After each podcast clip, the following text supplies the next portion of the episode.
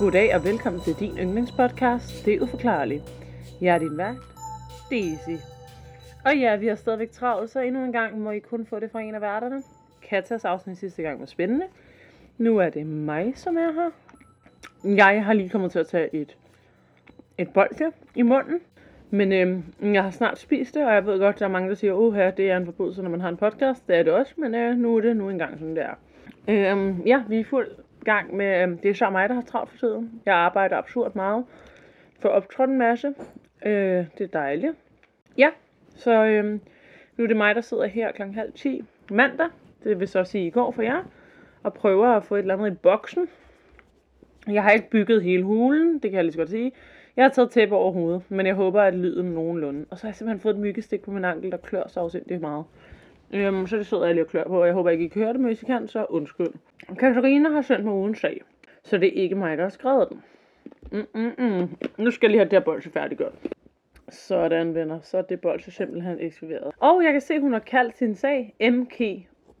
K, det står der overhovedet ikke. Der står MK Ultra. MK Ultra var et tophændeligt projekt hos C, eller CIA, CIA, hvor de udførte hundredvis af hemmelige og ulovlige eksperimenter.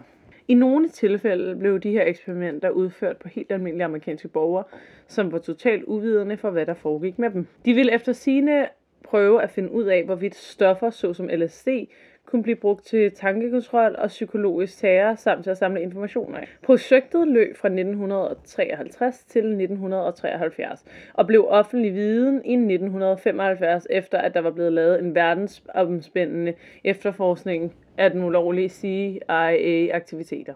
I 50'erne og 60'erne under den kolde krig blev den amerikanske regering bange for Sovjetunionen, Kina og Nordkorea, øh, og bange for, om de brugte tankekontrol til at hjernevaske de amerikanske fanger. På grund af den godkendte Alan Dulles, som var direktør for CIA, at projekt MK Ultra blev sat i gang. Nå, på grund af det godkendte, ja, yes, I forstår, på grund af det, så blev det, sat, blev det godkendt, og det kunne sættes i gang. Brugt virkelighedsopfattede øh, stoffer og udført elektroschokterapi og lammende eksperimenter på over 150 mennesker. I nogle af tilfældene, så var forsøgskaninerne altså godt klar over, at de deltog i et studie, og i andre tilfælde, så var de det ikke. Mange af forsøgene blev udført på universiteter, hospitaler, fængsler i USA og Kanada.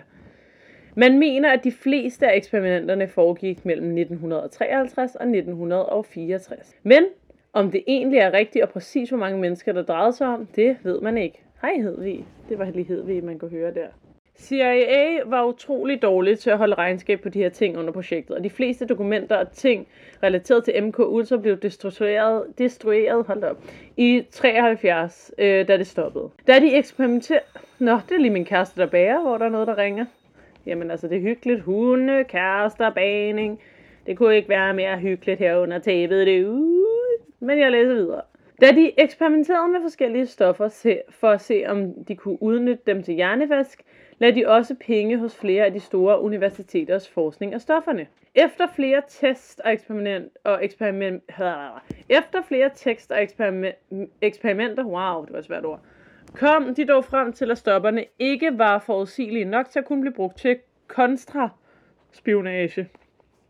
Kontraspionage. Altså hold da op, skal jeg gå i seng, eller hvad? Jeg kan overhovedet ikke snakke. Under MK MK Ultra var der også noget, der blev kaldt Operation Midnight Climax. Uh, det lyder lidt sexet. Det gik ud på, at CIA ansatte prostituerede til at lokke intet af mænd hen til CIA safe houses, hvorefter de udførte eksperimenter på dem, der involverede stoffer.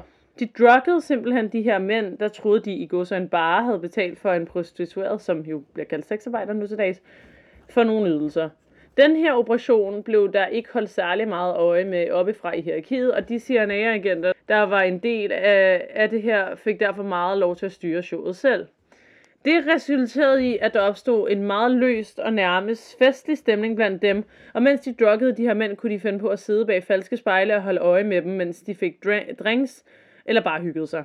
Det lyder klart. Udover at observere dem fra rum ved siden af, var der gemt en mikrofon i rummene, som mændene var blevet drukket i. Pointen med det var at observere og notere, hvilken effekt stofferne havde på mændenes opførsel.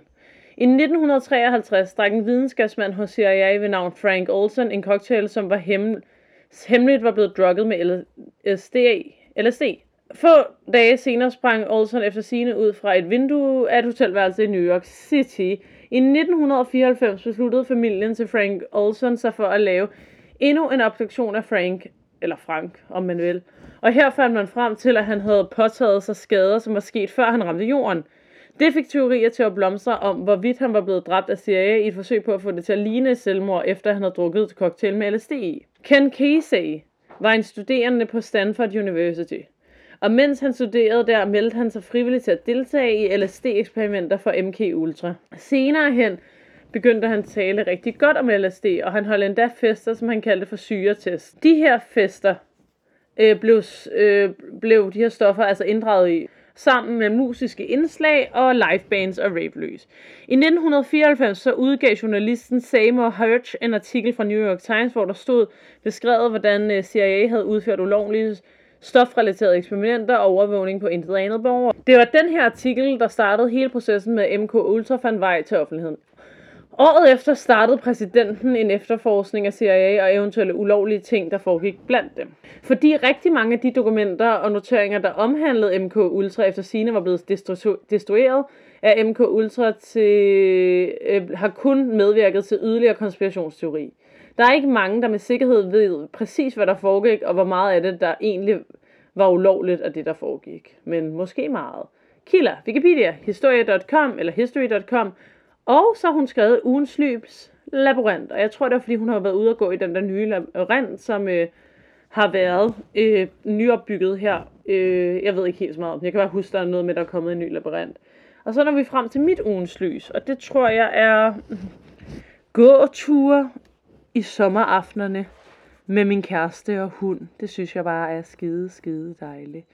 Ja, så det var en lille og mystisk og kort fra mig, vennerne.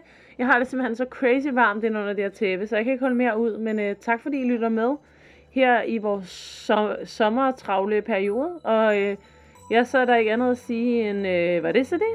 Ja, det tænker jeg.